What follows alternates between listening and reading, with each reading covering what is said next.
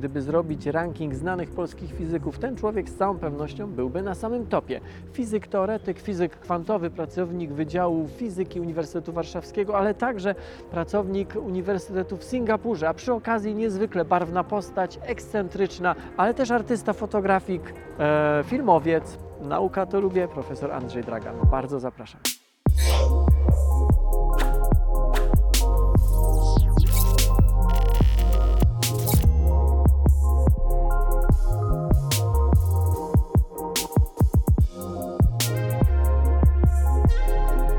Czego chciałbyś się dowiedzieć, Andrzej Dragan? No teraz się chcę jednej rzeczy dowiedzieć i tak bardzo się chcę dowiedzieć, że nic innego nie robię, tylko od pół roku walę głową w ścianę i wciągam do, to jeszcze, do tego jeszcze stado ludzi i wspólnie walimy w tą ścianę. Yy, Na razie jakieś pojedyncze pęknięcia zaczyna, być widać, ale nie wiadomo do czego to doprowadzi i jest duża szansa, że to będzie zmarnowane parę, parę miesięcy życia. Co, co to konkretnie jest, jeśli to da się wytłumaczyć? Ja się jakiś czas temu zajmowałem taką bardzo nieortodoksyjną rzeczą y, dotyczącą rozszerzenia szczególnej teorii względności i badaliśmy no, taki niekonwencjonalny aspekt szczególnej teorii względności, bo ona okazuje się do, dopuszcza ruchy z prędkością nadświetną i można całą strukturę relatywistyczną rozszerzyć do tych nadświetnych obserwatorów. No i generalnie całą klasyczną teorię żeśmy sobie stworzyli. y, Jak to miałoby wyglądać w, w takiej XIX-wiecznej fizyce, jeszcze w XX-wiecznej fizyce, gdzie nie ma efektów kwantowych w pełni. No i interesuje nas sformułowanie teraz, interesuje nas sformułowanie tego zagadnienia w języku kwantowej teorii pola, czyli skwantowanie, jak to się mówi, tych nadświetnych y, obiektów. I to jest problematyczne, bo y, wszystkie standardowe metody nie, nie działają. I ludzie próbowali to robić standardowymi metodami i świadomie bądź nie lądowali w jakichś kompletnych bzdurach. I to mądrzy ludzie bardzo. Jest bardzo dużo y, prac bardzo dobrych fizyków, którzy próbowali ten problem rozwiązać i to prowadziło w jakieś kompletnie absurdalne obszary. No i my teraz wiemy już, jak tego nie robić. Wiemy, na ile sposobów tego nie można zrobić i szukamy kolejnego. Czy to, czym ty się zajmujesz, da się wytłumaczyć dziecku w przedszkolu, czyli nie używając tachionowych pól, nie używając e, nadświetlnych em, słów i nie używając tej całej terminologii, bez której być może, em, no właśnie, to jest niewytłumaczalne. No to spróbujmy. Yy, tu jest piłeczka. Muszę mieć jeszcze miskę. Jak tą miskę włożę do piłki, fu, jak tą piłkę włożę do miski, to ona będzie tam się wokół y, dna tej miski bujać. I to jest obiekt klasyczny, który dobrze rozumiemy, ale y, również opisuje, potrafimy ten problem opisać na poziomie teorii kwantowej. Czyli wiemy, co by się stało, gdyby ta miska była kwantowa i wiemy, jak ta piłka by się zachowywała, gdyby na dnie tej miski się bujała. Mamy pełną teorię, która to opisuje. Bardzo inaczej niż w tej klasycznej by się zachowywała? Są drobne różnice, ale też jest wiele analogii. Okej. Natomiast, y, żeby opisać mechanizm cząstki Higgsa, trzeba taką piłkę umieć postawić na odwróconej misce, gdzie ona stoi na samym czubku i może polecieć w każdą stronę i nie wiadomo, w którą poleci, bo miska jest symetryczna i to niewielka fluktuacja może spowodować, że ta mi- kulka poleci albo w tą, albo w tamtą stronę. Czyli równowaga chwiejna. Taka chwiejna równowaga. I okazuje się, że nikt nie potrafi dobrze opisać na poziomie teorii kwantowej pól, które są właśnie w takiej chwiejnej równowadze. A dokładnie taka równowaga pojawia się, jak mówimy o polach, które są tachionowe, czyli takie nadświetlne w pewnym sensie. Czyli nikt nie potrafi powiedzieć, w którą stronę ona poleci pod wpływem jakichś warunków zewnętrznych. Nawet nie chodzi o to, że nie, nie potrafimy powiedzieć, w którą stronę poleci, bo to jest do pewnego stopnia nieprzewidywalne i spo- spodziewamy się, że jakaś kwantowa fluktuacja spowoduje, że ona gdzieś poleci, gdzieś wyląduje po jednej ze stron, łamiąc symetrię tej miski, i to jest właśnie ten mechanizm słynny łamania symetrii. Natomiast to jest, jeszcze- jest jeszcze gorzej. My nie mamy konsystentnej kwantowej teorii y, opisującej takie sytuacje. Czyli nawet gdybyśmy mogli jakoś przewidzieć, my nie znamy mechanizmu, którym moglibyśmy to opisać? Mamy klasyczny mechanizm i wiemy mniej więcej, że klasyczna piłka stoty się na skutek jakiejś fluktuacji w którąś stronę, ale nie ma w pełni kwantowej teorii, y, która by konsystentnie to opisywała. I nie jest jasne, czy w ogóle ta teoria nie istnieje, y, bo jest to coś wewnętrznie sprzecznego, tak jak niektórzy uważają. Czy też y, istnieje, ale żeby ją stworzyć, trzeba jakoś radykalnie złamać któreś z przykazań kwantyzacji. Czyli, czyli zmodyfikować takie ortodoksyjne pojęcie, y, których się używa w kwantowej teorii pola. I to byłoby ciekawe, żeby mm, ten problem rozwiązać, bo być może nas naprowadzi na, y, na jakąś zasadę, która należy, którą należy złamać, y, żeby dotrzeć trochę głębiej do, do opisu tego procesu. No więc to, to, to w pewnym sensie jest, z jednej strony chcemy rozwiązać problem, ale z drugiej strony chcemy zrozumieć, co jest nie tak ze standardowym schematem i być może nas to naprowadzi na jakieś kolejne ciekawe zagadnienia. No i tu w zasadzie dotknąłeś tego, co chciałem teraz zapytać, bo można by zadać, po co to komu? To znaczy, co z tego będziemy mieli? To czasami fizycy, czy w ogóle naukowcy oburzają się na takie pytanie. Ja uważam, że to jest pytanie jak najbardziej sensowne. Co z tego będziemy mieli? No w końcu wydajemy pieniądze na naukę na przykład po to, żeby coś z tego mieć, a nie po to, żeby je przepalić. Ale jest oczywiście kwestia poziomu tej odpowiedzi, bo niektórych zadowala odpowiedź będziemy wiedzieli i tyle. I w tym jest wartość sama w sobie. Inni mówią, to jest za mało. Co z tego będziemy mieli, czyli co z tego wynika, co z tego wybudujemy, kiedy nam się to zwróci. Ale częściowo odpowiedziałeś, że co prawda to jest jakiś taki powiedzmy problem jeden, ale dzięki niemu może mogą się otworzyć drzwi do zrozumienia czegoś znacznie głębiej, czegoś znacznie więcej. Czy ja to dobrze? Wiesz, y, ja lubię taką y, y, historyjkę z Faradayem y, przytaczać. Faraday to był jeden z twórców prądu elektrycznego. On robił jako jeden z pierwszych eksperymenty z prądem elektrycznym. Bawił się tą elektrycznością i nie wiedział po co to komu. Jak rozeszła się fama na jego temat, że jest taki, taki syn Kowala, który robi takie eksperymenty i, i wszystkich zadziwia, to przyjechał jakiś przedstawiciel rządu jej królewskiej mości i obejrzał, po- pokręcił nosem i pytał, no ale po co to komu? No i legenda mówi, że Faraday odpowiedział, nie wiem po co, ale za pół roku pan to opodatkujesz. Tak to jest, że, że kierowani ciekawością i tylko ciekawością, czasem raz na jakiś milion, milion ludzkich lat coś odkrywamy, takie jedno na milion odkryć potrafi zrewolucjonizować kompletnie życie wszystkich innych ludzi. Więc to jest, w ogóle nauka to jest taki projekt wysokiego ryzyka. Większość odkryć naukowych nie ma dużego znaczenia w praktyce, ale jedno na milion ma kolosalne. I to jedno na milion statystycznie się opłaca dużo bardziej niż cokolwiek innego, co ludzie w ogóle robią Albo niż nie robienie nic. nie, no, nie robienie nic, wiadomo, że tak, ale to jest o wiele bardziej opłacalna inwestycja niż jakakolwiek inna inwestycja w cokolwiek. Gdyby, gdyby Faraday albo jego spadkobiercy y, nie oddali swojego odkrycia za darmo, tylko je spieniężyli, na przykład patentując prąd elektryczny i pobierając sobie jakiś drobny ułamek, y, na przykład opłat za każdy megawat energii elektrycznej, to teraz ci spadkobiercy byliby najbogatszymi ludźmi na świecie i to bez porównania z kimkolwiek innym. Dlatego, że oddając to wszystkim ludziom, de facto oddają coś, co ma, na co nie można w ogóle nałożyć żadnej ceny. Jest wiele takich odkryć, które, zasadzie większość odkryć fundamentalnych, które były dokonywane, y, które cokolwiek zmieniły w naszym rozumieniu rzeczywistości, skończyły się gigantycznym skokiem cywilizacyjnym dla wszystkich innych ludzi. Znaczy, Nawet odkrycie teorii względności, która jest. y, y, Einstein się kierował symetriami praw y, elektromagnetyzmu, żeby zbadać to zagadnienie, a skończyło się bombą atomową, skończyło się systemem GPS, y, y, satelitami i tak dalej. W CERNie miało miejsce dokładnie to samo. To znaczy, człowiek, który chciał rozwiązać jakiś konkretny problem z przesyłaniem dużych ilości danych, Wymyślił internet. wymyślił, wymyślił e, www, protokół www. I też kiedyś widziałem jakąś tam, jakieś tam zestawienie, gdyby CERN pobierał jednego eurocenta za każde łączenie ze stroną www, do czego teoretycznie mógłby mieć prawo, no bo mógł to, mógł to jakoś, jakoś opatentować, to byłby najbogatszą instytucją, e, nawet nie tylko naukową, tylko w ogóle najbogatszą instytucją na świecie. Jak ty jako fizyk, e, teoretyk, e, fizyk kwantowy, patrzysz na takie urządzenie jak CERN, to co tam widzisz? Czy ty się tak uśmiechasz dobrotliwie i mówisz, wy się tak tutaj staracie, a mnie nic nie ogranicza, bo ja mam tylko prawa matematyki i mogę i mam pełną swobodę, a wy fizycy eksperymentalni musicie się napinać, musicie budować drogie urządzenia, żeby cokolwiek zmierzyć? Czy czekasz na to, co tam się dzieje? Jak to widzisz? Wiesz, fizyka teoretyczna to jest taki termin, który jest wewnętrznie sprzeczny. Nie ma czegoś takiego jak fizyka teoretyczna. Ja się zajmuję teorią, ale to nie jest coś oderwane od rzeczywistości. Ja sądzę, że to ma jakieś odzwierciedlenie w, w świecie, w którym tkwimy. I taki jest mój cel, zrozumieć świat. Robię to takimi metodami.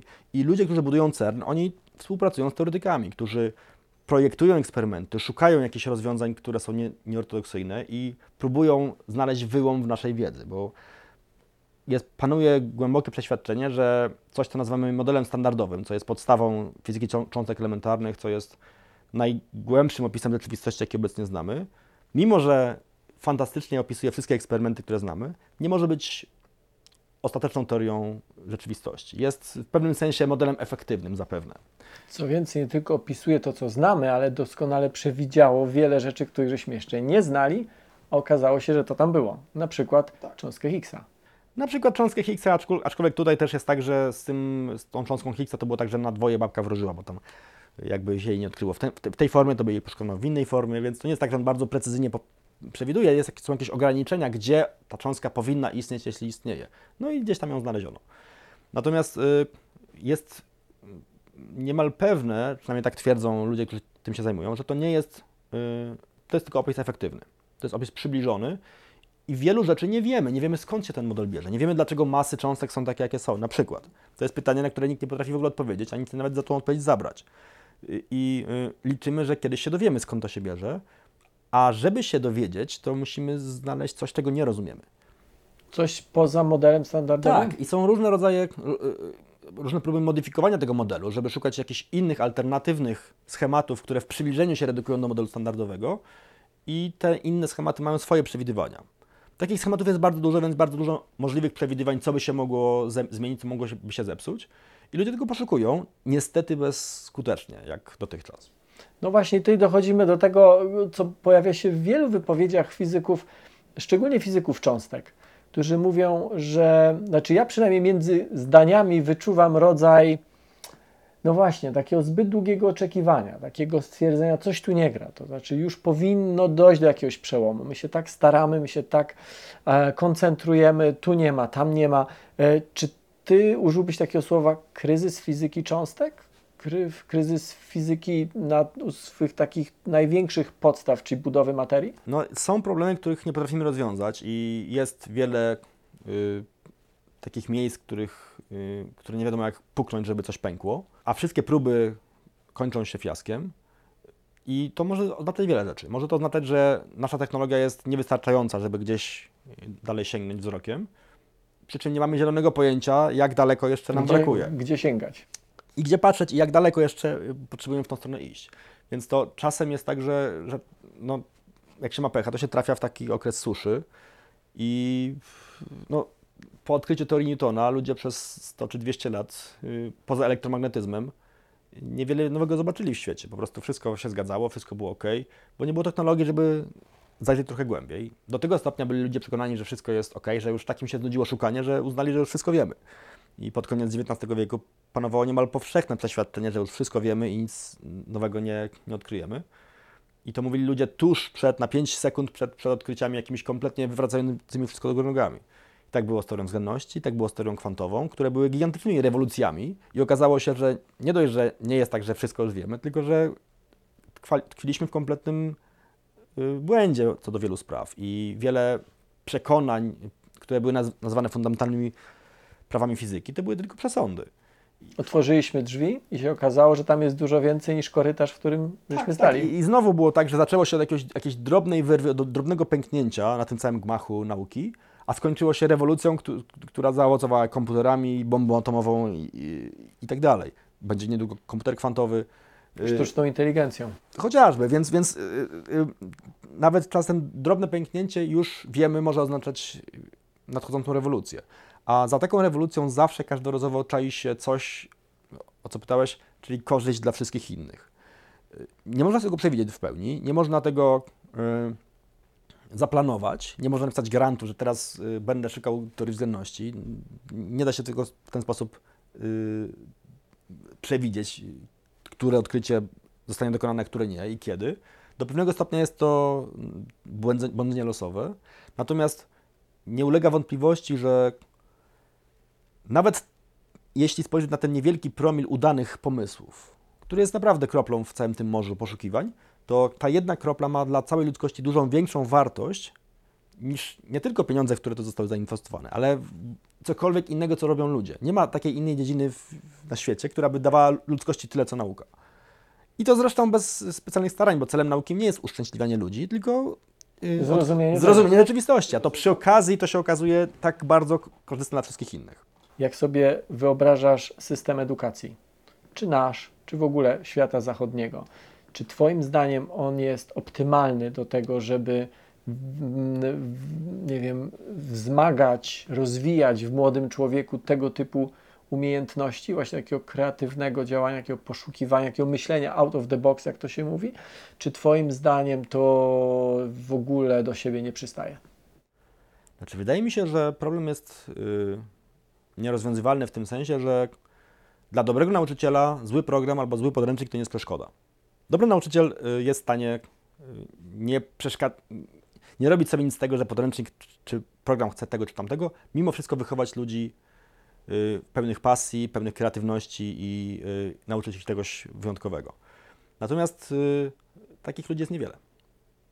I problemem nie jest zły program, moim zdaniem, przede wszystkim, ani nie jest zły, mm, mm, nie wiem, zły podręcznik, tylko to, że ludzie, którzy uczą dzieci przez wiele, wiele lat, tracą pasję, tracą zaangażowanie, może nawet go niektórzy nigdy nie mieli, y, nie mają motywacji, żeby to robić, bo są opłacani słabo.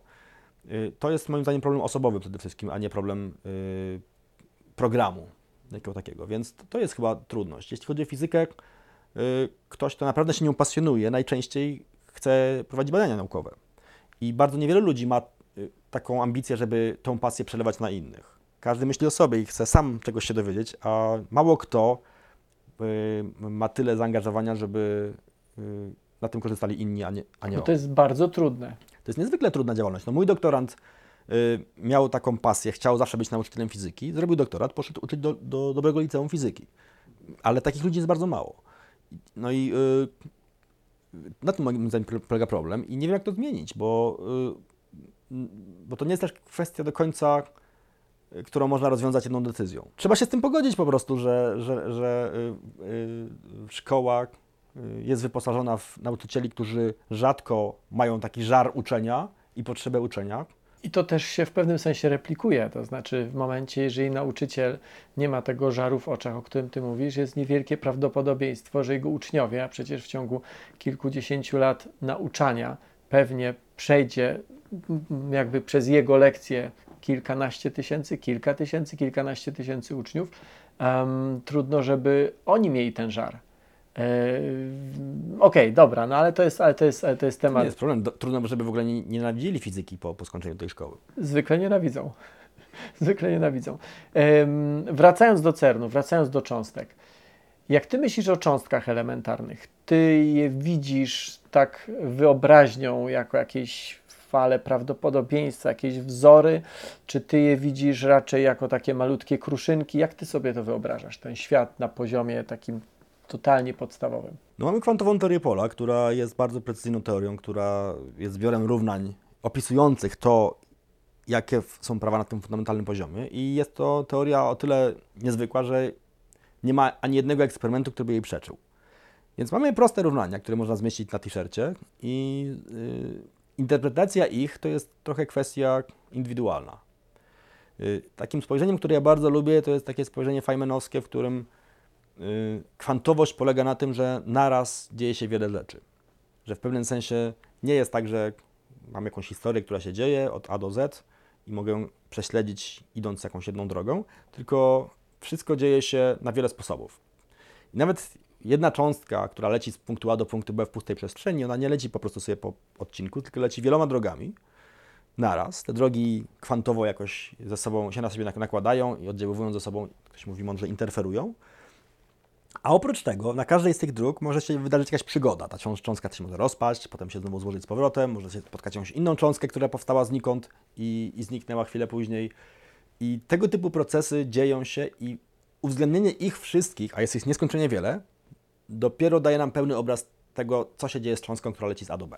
Okej, ale ty mówisz cząstka. I dla większości z nas cząstka to jest taka, wiesz, takie ziarenko maku. Coś bardzo, bardzo małego. Ale jednak to jest kropka. To jest po prostu jakaś tam porcyjka materii. A materia to jest coś, co można dotknąć, zmierzyć, zobaczyć, jak masz odpowiednie urządzenie. Ale może dla ciebie cząstka to jest jakaś fala, to jest coś niematerialnego, to jest coś takiego ulotnego. Ty mówisz, no, że wzór, że mamy to na wzorach, ale wiesz, to jest abstrakcja, bo my jednak uczymy się i ten świat, który nas otacza, nie jest światem wzorów, tylko jest światem obiektów. Abstrakcją są te rzeczy, które powiedziałeś y, o masie, bo mówisz, że to jest coś mierzalnego. No jest to coś mierzalnego, ale nie wiemy, co to jest masa. to jest najciekawsze, że rzeczy, które wydaje nam się, że rozumiemy, bo nas otaczają, są najbardziej tajemnicze. Nie, nikt nie wie, co to jest masa. Wiemy, że to jest jakaś forma energii, ale nikt nie wie, co to jest energia też swoją drogą. Tych podstawowych pojęć nie rozumiemy. Wiemy, że one są. Jak się mnie zapytasz, co to jest elektron, to ja mogę powiedzieć, o to jest elektron, położyć na stole, to jest elektron, pokazać palcem. A co to jest ten elektron, to ja nie wiem. Ja wiem, jak go opisać, jakie ma właściwości. Wiem, jak wezmę dwa elektrony i zbliżę do siebie, to się, co się stanie, albo oddalę, albo cokolwiek. Wiem, jak się ten elektron zachowuje, ale co to jest, nie wiem. Nie wiem, co to jest e- ładunek elektryczny. Nie wiem, co to jest masa. I nie wiem, dlaczego jest taki, a nie inny. Tak, tych rzeczy w ogóle nie wiemy, nie rozumiemy tego kompletnie i y, pewnie się prędko nie, nie dowiemy, co to jest. Te naj, najbardziej proste, elementarne pojęcia są najtrudniejsze do zrozumienia. Więc cała nauka jest zbudowana na gmachu, na jakichś takich fundamentach, które y, zakładają, że jest coś takiego jak elektron, ma jakąś masę, ma jakiś rozmiar. Z, akurat elektron jest, jest punktowy. Y, I y, i dalej badamy konsekwencje takiej, takiej, takiej wizji. Natomiast Ale jakby się już na, nawet nad tym hasłem zastanowić, elektron ma jakąś masę, ale jest punktowy, to znaczy, to to już dla większości z nas, jakby się tak głębiej zastanowić, to jest to sprzeczność sama w sobie. Bo jak ktoś ma masę, to znaczy, że musi mieć jakiś rozmiar, bo ta masa się musi mieścić w jakiejś objętości. Może bardzo małej, ale jednak jakiejś. No to jak jest punkt? Ta sprzeczność to nie jest sprzeczność logiczna, tylko to jest sprzeczność z Twoimi oczekiwaniami. Być może. Te Twoje oczekiwania są po prostu nie- niedobre. I tak to jest, że, że jak nam się coś wydaje, to najczęściej się mylimy. I dlatego ludzie starali, starali się za wszelką cenę pozbyć swoich oczekiwań, badać to, co jest w miarę obiektywne. I w ten sposób nauka zrobiła jakikolwiek postęp, żeśmy nie korzystali z naszych wyobrażeń, przesądów i tak dalej, tylko staraliśmy się badać wszystko, co uważamy, jak coś jest bez... nie zgadza się z eksperymentem. to Nie mówimy, że to jest sprzeczne, tylko po prostu wywalamy do śmieci nasze wyobrażenia i idziemy dalej. Z masą elektronu na przykład może być tak, że jej w ogóle nie ma. Była taka hipoteza, y, y, Feynman o tym pisał też y, w sw- swoich podręcznikach zresztą, Które zresztą stoją za tobą. które za mną stoją, że masy w ogóle być może nie być. Okazuje się, że jak mam cząstkę, która ma ładunek elektryczny, to ten ładunek elektryczny wytwarza wokół siebie energię elektryczną, a energia, jaką chcę przesunąć z miejsca na miejsce, ma pewną bezwładność. Jakbym chciał taką energię popchnąć, to muszę włożyć jakąś, wykonać jakąś pracę. I to efektywnie zachowuje się tak, jak gdyby elektron miał pewną dodatkową masę. Bo był trochę cięższy przez to, że ma ładunek i trudniej go popychać, bo jest więcej energii wokół niego. Więc pojawiła się hipoteza, że część, część masy elektronu to jest ta masa elektromagnetyczna wynikająca z tego, że ma ładunek. Ta bezwładność. Ta bezwładność, y, tak to nazwijmy. I być może mogło być nawet tak, że nie ma żadnej innej masy niż tylko ta. I ludzie tę hipotezę badali na poważnie. Y, Zaczęło się od Lorenza, od Poincarego, y, potem to Feynman badał z Wheelerem. Wydaje się, że tego kompletnie nie rozumiemy, bo okazuje się, że nawet gdyby cała masa elektronu była tą masą elektromagnetyczną, to można by oszacować mniej więcej, jakiego wielkości kulką musiałby być elektron, żeby tą masę wygenerować. Bo okazuje się, że im mniejsza kulka o danym ładunku, tym więcej energii, bo ta energia sięga coraz głębiej, coraz głębiej do tego środka i im bliżej w środku, tym więcej tej energii. Gdyby elektron był punktowy, to jego elektromagnetyczna masa musiała być nieskończona. Mhm. A wiadomo, że elektron nie jest nieskończenie ciężki, tylko ma bardzo lekki, ma konkretną bardzo masę.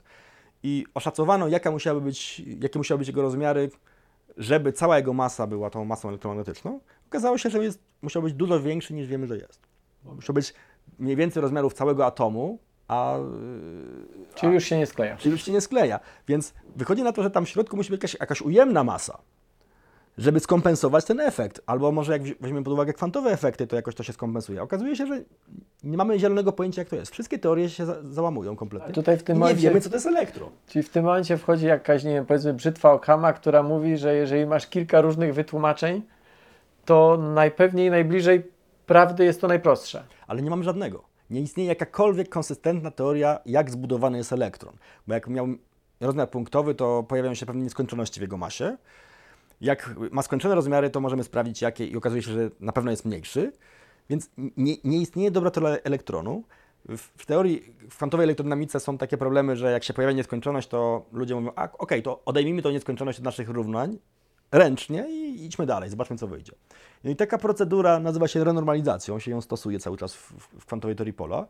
To są takie nieskończoności, które się pojawiają, nie, nie wiemy skąd, ale się tym nie przejmujemy, wywalamy je ręcznie i idziemy dalej.